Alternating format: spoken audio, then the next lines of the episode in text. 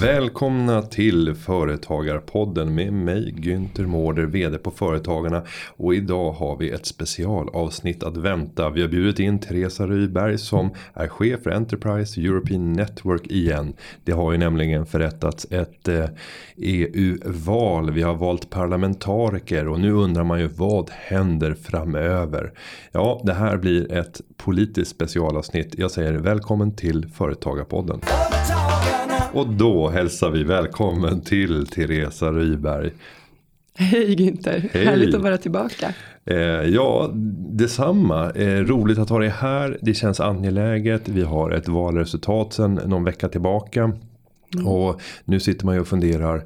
Vad händer med det här valresultatet? Och till att börja med om vi tittar ner på det svenska valresultatet och bara reflekterar först. Vad, vad, tyckte du om, om, resultatet? Var det överraskande utan att gå in i så att säga, politiska diskussioner? Uh, det jag tyckte var överraskande det var ju det ökande del, uh, deltagandet. Uh, men det var inte bara för Sverige, det var ju i överlag. I nästan alla länder så ökade deltagandet. Så det var ju väldigt, det var en positiv överraskelse. Vad tror du det beror på? Eh, jag tror att det beror på för det första ökat intresse, eh, ökat kunskap. Ehm, och eh, det, skrev, det har skrivits mycket om det i, i media nu. Det att man förväntade sig att e EU-förtroende det hade dippat och så vidare. Men nej, kanske inte gör det faktiskt. Så det är ju lite kul. Ehm, sen tror jag att det finns en allmän konsensus att, konsensus att Sverige ska vara kvar i EU. Eh, det är ingen, prat om, det är ingen som pratar om Swexit eller, eller så. Så det, det är också positivt. Ja till och med Vänsterpartiet och Sverigedemokraterna som annars är uttalat EU-kritiska och, och har det tydligt inskrivet i, i, mm. i sina partiers program. Valde att tona ner det här fullständigt. Mm. Ehm, ja. och, och är det en så stark opinion för att det finns ingen vinning att driva en svexit fråga mm. här hemma. Jag tror att det är en av de få positiva sakerna som, som har kommit fram från Brexit. Eh, alla ser ju vil, vilken, eh, vilken börda det är. Eh, vilket jobb och vilken hur, hur, hur förskräckligt det hela processen är. Så att jag tror att ingen har lust att gå in i den. Och valresultatet i Sverige innebar ju att det var några mandat som flyttades hit och dit. Och FI förlorade något och mm. Centerpartiet vann något. Moderaterna vann något. Och, men på stora tagen, äh, tagna, om, om vi tittar på det svenska resultatet. Spelar det här någon större roll? De här små mandatförändringarna mellan enskilda partier? Nej inte egentligen. Ehm, jag, eh, jag brukar ju titta mer på, på, på det stora än vad som händer i EU-parlamentet. Och, eh, och där, det som kommer spela roll det är ju hur de här partierna sedan kommer grupperas. Och det är ju inte avgjort. Eh, de har fram till den 24 juni. Ehm, bara eh, för att påminna eh, våra lyssnare. Det är ju att vi röstar ju för, för våra partier. Men sedan som kommer grupperas med, med, med andra partier inom Europa. Som har liknande åsikter. Så att egentligen eh, till exempel om man pratar om eh, Moderaterna, de kommer ingå i ett eh, parti som heter EPP, European Politi Popular Party, så att Folkpartiet. Så att det, den här grupperingen kommer ske nu under juni månad. Helst innan den 2021, för jag tror att det är då de kommer diskutera om en ny kommissionsordförande med, med Europeiska rådet. Eh, så att det blir lite spänning där hur, eh, hur sitserna de kan fortfarande fördelas lite. Och, och hur är det med att, att välja sån här partigrupp? Hur, hur enkelt är det att bli accepterad? För man har också hört de här diskussionerna kopplat till till Orban till exempel i, i Ungern. Som inte har varit mm. välkommen in i, mm. i EPP. Mm. Eh, på vilket sätt kan man förutspå hur de här europeiska partikonstellationerna kommer att se ut. Får, får, är det fritt att välja och skulle man kunna hoppa över från EPP till ALDE, liberala mm. delen. Och där har vi Centerpartiet och, och mm. Liberalerna. Mm. Det skulle mycket väl kunna tänka sig att Moderaterna skulle passa rätt väl in där eller? Ja, sen beror det ju på, på, eh, på vad partiet tycker själv. Eh, mm. Ett väletablerat parti som ALDE, det, jag tror inte det, eller jag vet inte om de skulle acceptera bara vem som helst som bara hoppar in. Sen eh, kan man också titta på, ehm, på Macron som, som tidigare med sin La République en Marche tänkte köra en, eh, eller inte gå in med, med ALDE, vilket är ganska överraskande, och köra sitt eget mikroparti, men det, men det gynnar ju ingen, ingen alls. Eh, så att det är inte i deras intressen att köra sådana mikropartier. De behöver starka allianser. Och det kan inte vara en vinning med att vara fristående för att på så sätt kunna få en vågmästarroll. Jag menar mm. ungefär som, mm. som Sverigedemokraterna eftersom de inte valda fullt ut sida. Mm. Eh, vare sig förra valet eller det här valet så, så har de kunnat vara en en irriterande kraft för de andra partierna och mm. få majoriteten att växla. Absolut, eh, och det, kommer, det är precis det som sker nu i parlamentet. vi, ehm, vi har alltid haft en, en ganska traditionell eh, delning av EU-parlamentet höger-vänster. Ehm, med, med eh, Socialdemokraterna och, och ja, mitten, center, EPP då. Den, den, ehm, den uppdelningen har ändrats nu. Nu sitter vi framför ett väldigt splittrat parlament. Ehm, och ehm, jag tror att ALDE kommer väga mycket tyngre, de gröna också mycket tyngre. Kommer, för de, tidigare kunde man då säga att, att eh, de stora två kunde uh, alliera sig för att få igenom deras vilja utan, utan att ens uh, ha med de andra partiernas uh, tankar och idéer och så vidare. De bara körde sitt eget race. Nu kommer det bli mycket svårare. Och då var det socialdemokratiska blocket och mm. EPP. Ja, mm. precis. Så att, och de, de körde ju ganska duktigt tillsammans faktiskt hittills. Nu kommer det här här vara mycket mindre eftersom även om de två jobbar tillsammans så har de mycket mindre sitt mandater då i parlamentet. Så de kommer behöva ALDE, de gröna och andra partier. Och om vi ser till eh, saker som påverkar företagare så har vi ju handel till exempel. Mm. Och det är ju en av de kompetenser där EU ska vara inne och, och främja öppenheten när det kommer till handel. Om vi ser till eh, de kommande åren. Vad kan vi göra för att driva upp olika handelshinder som finns. För att underlätta handel i mm. världen. Mellan Europa och övriga världen. Ja, jag, eh, det kommer ju ligga lite mindre på EU-parlamentet. Eh, det kommer ligga mer på EU-kommissionen. Ehm, att förhandla fram eh, frihandelsavtal som är anpassade till eh, små och medelstora företag. Vilket de nu gör. Ehm, vi vi jobbar ju, vi hos Företagarna jobbar ju väldigt starkt för att trycka på den, den aspekten också mot, eh, mot de olika kan, kanalerna som vi har i Bryssel, till exempel SME United. Eh, och vår tanke är ju att, att det här kapitlet som nu finns i de nya frihandelsavtalen ska vara SME-anpassade, det vill säga småföretagare anpassade för att underlätta frihandel eller ut, utrikeshandel då. För vi, våra svenska företag är så beroende på export. Så att eh, det är en väldigt viktig del för oss, både Eh, när det gäller frihandelsavtal men även den inre marknaden såklart. Eh, inre marknaden är extremt viktigt. Så att där kommer man fokusera, eller vill man fokusera på digital ekonomi men också tjänsteförsäljning som kan vara en regelkrångel där. Eh, och jag vet att det ligger på EU-kommissionens bord. Eh, men även eh, upphandling, offentliga upphandlingar, tillgång till detta.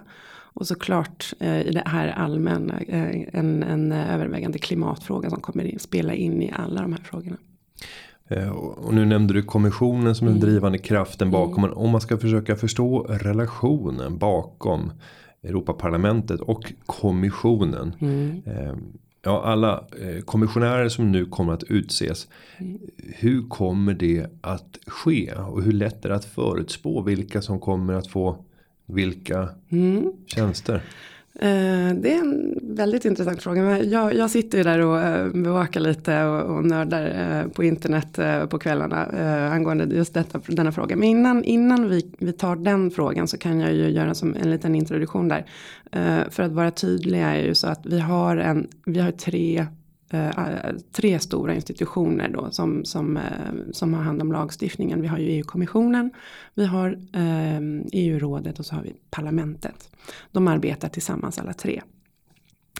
Eh, toppmöten som man har hört talas om hela tiden. Eh, det är ju de som ger en allmän riktning till EU, EUs politik.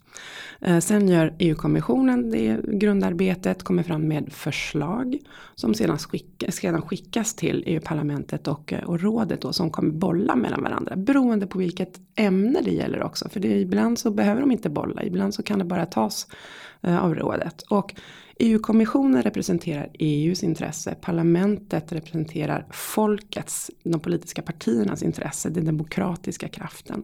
Och rådet representerar medlemsstaternas intresse. Ehm, så det är ju tre olika intressen som är, som är representerade här. Ehm, så, så ser deras relation ut. Ehm, de, nu när det gäller eh, hur EU-kommissionen kommer att se ut.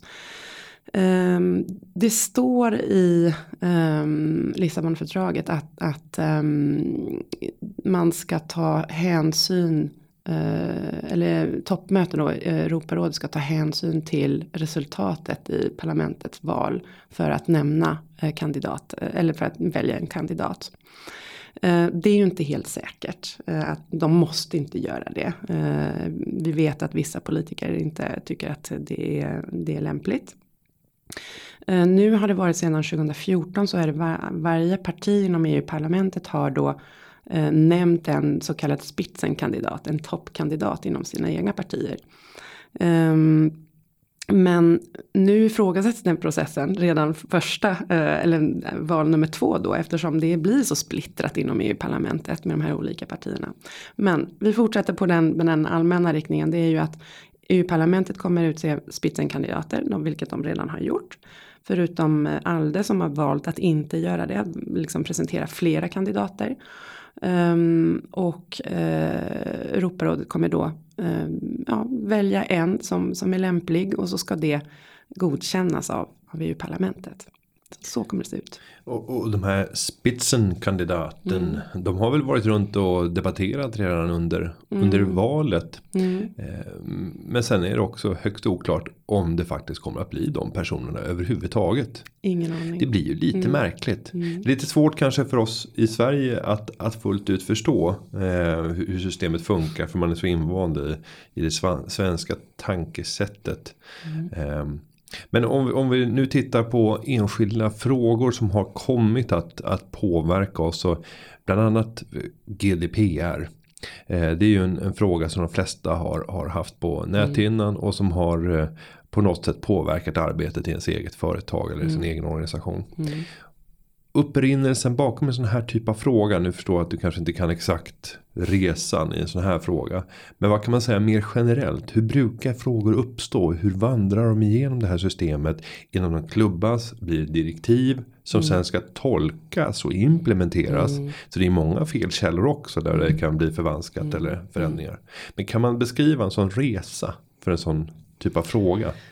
Uh, det beror tror jag på, på vilket ämne man, man uh, pratar om. Men typiskt uh, GDPR uh, så är det ju någonting som, som har framstått som kommer från, från, från en global eller globala förutsättningar som är internet med, med data, vad heter det? Datahantering ja, persondata. Data, mm. precis, tack. Um, den här frågan är en typisk fråga som, som kommer från eh, från toppmötena som kommer säga ja men vi behöver en allmän, eh, vi behöver vara bäst på att hantera data. så då det kan det födas under de här ja.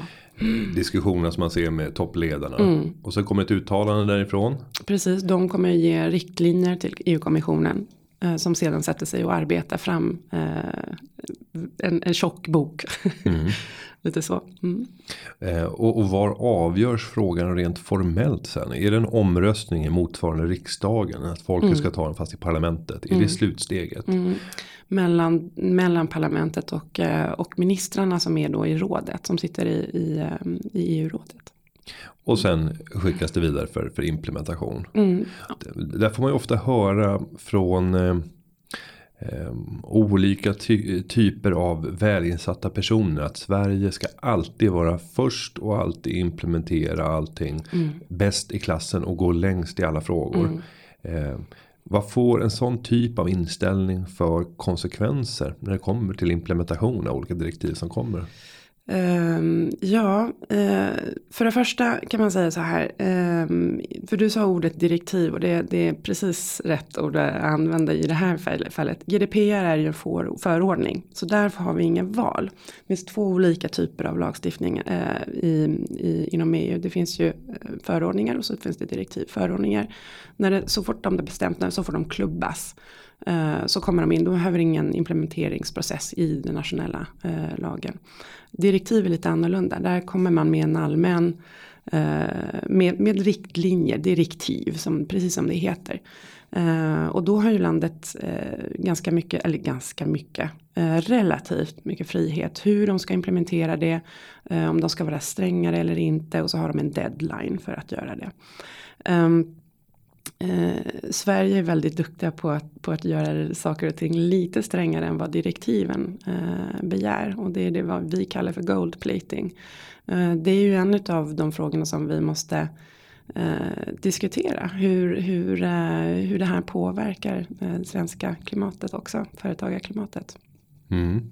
Ja, för det är klart att eh, går man mycket längre i implementationen av olika typer av av direktiv så, så kommer förutsättningarna att se annorlunda ut för mm. svenska företag som mm. ska verka i mm. den europeiska och, och internationella kontexten. Mm.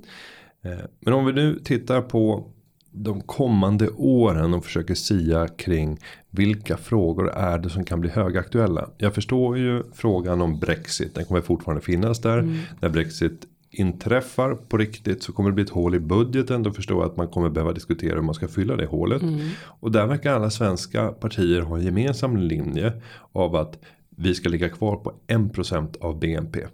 Inte mer. Mm. Um, den frågan är... Ja, Liberalerna står beredda att ja. satsa lite mer. Det har den faktiskt sagt. Mm. Men, men, men, det finns ingen ingen större splittring. Nej, det finns ingen större splittring. Jag tror att eh, allmänt så vill ju Sverige eh, både på, på parlamentssidan men även på regeringens sida ha, stå på den fronten att vi ska ha en återhållsam budget.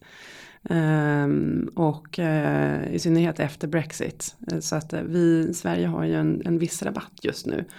Och det kommer ju spela in också. Efter Brexit så kommer ju den diskussionen komma upp igen. Om vi ska fortsätta med den rabatten. Så det, det blir spännande att följa.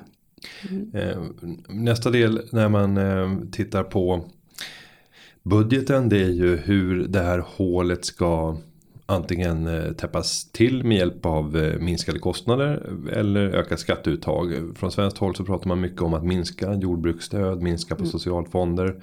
Samtidigt så möter man väldigt stort motstånd från framförallt sydeuropeiska länder som mm. tycker att nej, men utöka budgeten. Sen råkar det ofta sammanfalla med de länderna som lyfter mest i, i olika typer av jordbruksstöd. Mm. Det här blir ju inte riktigt trovärdigt när nej. man sitter och för de samtalen. Vilken makt har de länderna som är kraftiga eh, nettotagare av pengar inom systemet. Framförallt via jordbruksstödet. Mm. Vilken makt har de att kunna faktiskt forma framtiden och se till att vi får betala ännu mer Mm. För deras jordbruk. Eh, det är också eh, en väldigt institutionell fråga eh, egentligen.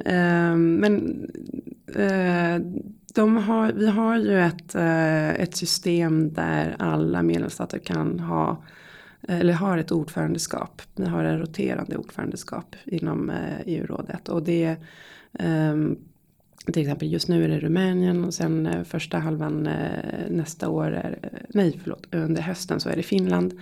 Och till exempel för att Sverige ska få ordförandeskapet så väntar vi till första halvan 2023. Um, ehm, så det, man får ju tillfälle att driva sina favoritfrågor. Eh, de, de frågor man vill, man vill trycka på mest. Eh, I sex månader. Så det är kort tid. Det, det, det, eh, saker och ting sker väldigt snabbt. Ehm, Sverige har ju som, som, som du nämnde, eh, svenska regeringen har ju som, som, som allmän riktning att, att minska eh, Eh, sammanhållningspolitiken eller budgeten på sammanhållningspolitiken, jordbruk, men ökad fokus på klimatfrågor, digital ekonomi, inre marknad, forskning och utveckling. Um, eh, små, för, små eller SME-frågor och så vidare. Så att, eh, och där har ju de svenska parlamentledamöterna en, en, en, tydlig fokus på att stärka konkurrenskraften för företag och stärka arbetsvillkoren och mindre administration och regelbörda och så vidare. Så det, det funkar bra tillsammans ändå. Mm. Och om vi nu går och tittar på möjliga frågor som, som kan dyka upp de kommande åren. Finns det mm. särskilda områden som du har identifierat som här bör vi hålla ögon öppna och vill man påverka så är det de här frågorna som man bör fokusera på.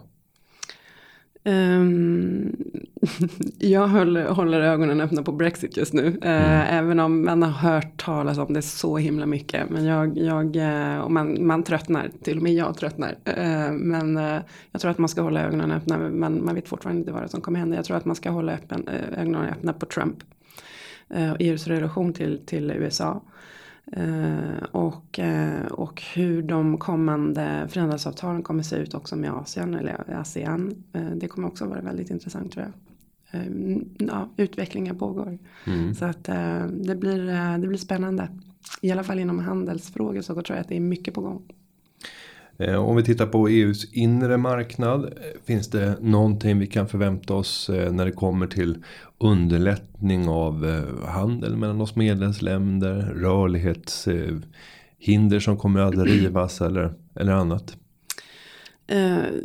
Jag tror att den fria rörligheten kommer inte ifrågasättas.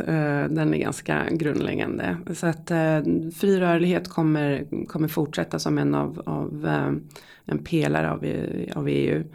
Um, att inom handeln på den inre marknaden så tror jag att vi kommer, tror jag, vet att, att vi kommer, kommer fokusera på uh, tjänster.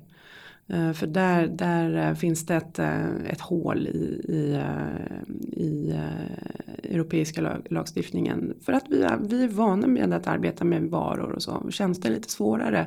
För vi ser ju inte när de går in, eller när de korsar en, en går över land eller ja, när man säljer eh, tjänster från, från Sverige till, till Tyskland eller, eller till USA för den delen. Man ser ju inte det rent fysiskt. Det är ingen tullkontroll. Så det är därför det är lite svårare att, att, ehm, att hantera. Ehm, sen är det en annan viktig del, det är ju offentlig upphandling. Vi ska ha lika villkor för det. Eh, tycker EU. Eh, att ett svenskt företag ska kunna komma in på på ett franskt eh, eller en fransk upphandling utan några så problem. Mm. Och riktigt så oproblematiskt är det ju inte idag så där borde det behövas till ganska stora mm. förändringar. Mm. Eh, nu kan man väl säga att till följd av kronans relativa svaghet i förhållande till euron så kanske vi skulle vara mer skyddade från att utländska aktörer skulle komma och göra massa jobb här i, i det kortsiktiga perspektivet. Men, mm. men långsiktigt så kan man väl mycket väl tänka sig att en sån typ av öppning skulle leda till att allt fler företag, inte minst från Östeuropa där det har väsentligt lägre löneläge mm. skulle komma till Sverige. Men då kommer diskussionen om ska man ha samma lön i förhållande till det de andra arbetarna i det landet där man just nu verkar. Mm. Och det där är ju någonting som inte alls skulle skapa eh, samma förutsättningar för, för alla eh, företag. Nej, det är ju en fråga som har legat på bordet i många, många år. Eh, och som har med fri rörlighet av människor och arbetare att göra. Som, eh, som är väldigt komplicerad. För det, det är ju det är ju konkurrenskraft plus och minus.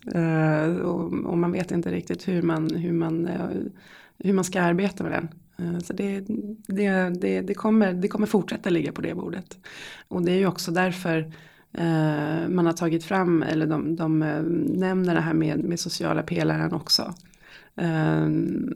Att ja, stärka arbetsförutsättningar för att öka konkurrenskraften mellan företag.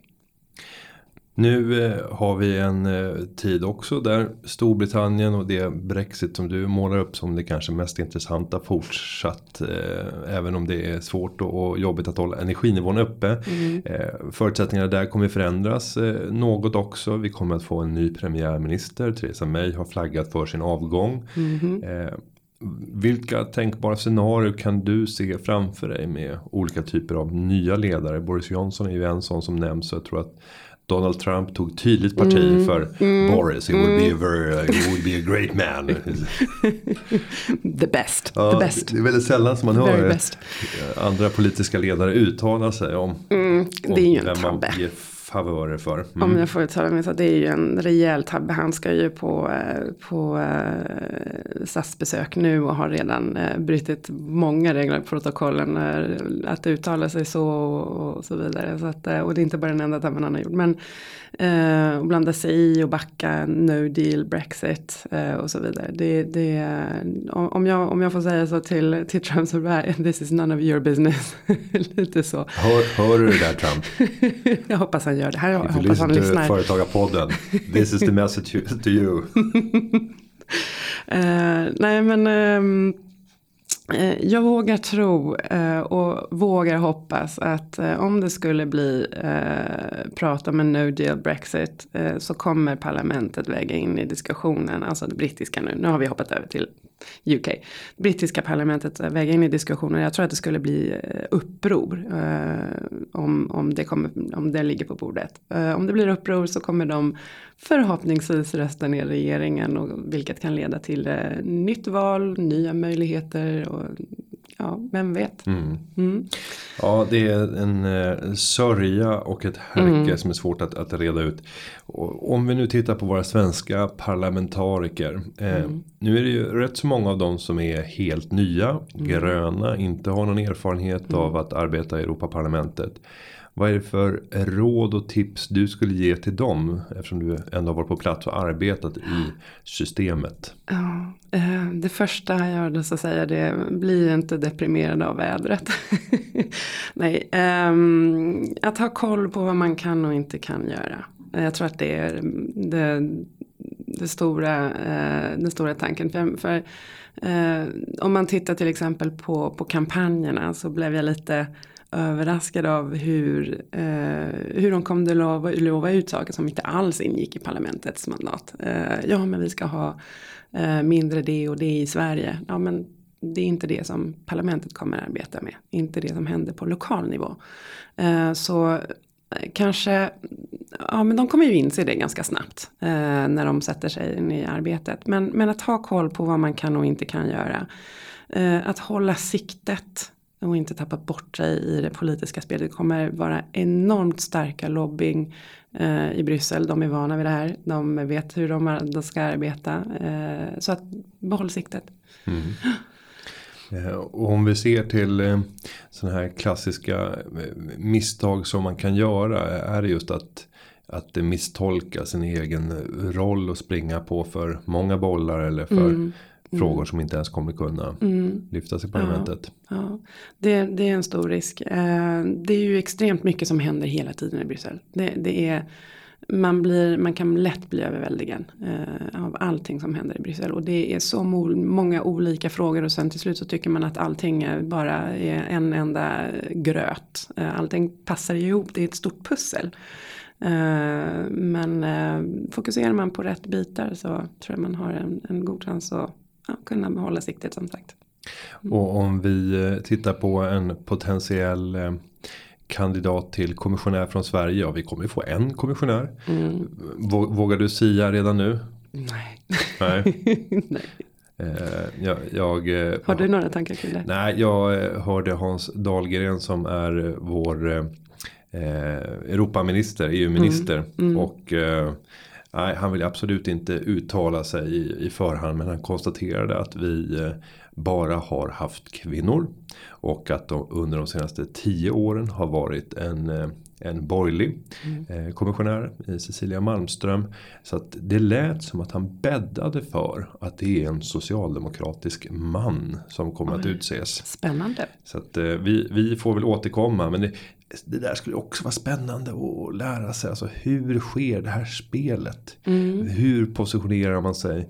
Eh, Ja. De ska ju uh, svära en ed att de inte ska representera Sveriges intressen heller när de börjar, när de tillträder mm. kommissionen. Det, och sen ska de ha mm. läxförhör va? Det blir, det blir, stränga förhör. Mm. Det är mm. rätt stor skillnad jämfört med, med Sverige. Om du ska bli minister i Sverige, det är ju ingen som kommer ställa några sakfrågor kring det. Utan mm. de kommer titta om du har testat eh, narkotika och om du har köpt svart arbetskraft. Mm. Det är de frågorna ja. du kommer få. Men här är det regelrätta förhör och möjlighet att också fälla i ah, slutändan. Ja. Ah, ja, gud, ja. Det är inte ah, bara att man. Det är inte bara att trampa in. Klamma som en statsminister som går upp och, och ger sin regeringsförklaring. nej, nej, nej. Det är väldigt så hårda stränga regler. Men de har ju som de. Om man tänker. De har inte en ton administration över sig. De har 28 eller 27 snart då. Eh, ton admin. Eh, de ska representera EUs eh, e intressen allmänt. Så det är ju ganska stor, stort mandat. Mm. Mm. Ja, det är eh, spännande och intensiva veckor som följer här framåt. Vi ska tacka Teresa Ryberg för att du kom till Företagarpodden igen och redde ut de här svåra frågorna. Men där många eh, svenskar har visat sitt intresse genom att gå till valurnorna. Mm. Stort tack för att du kom till Företagarpodden. Tack Inter.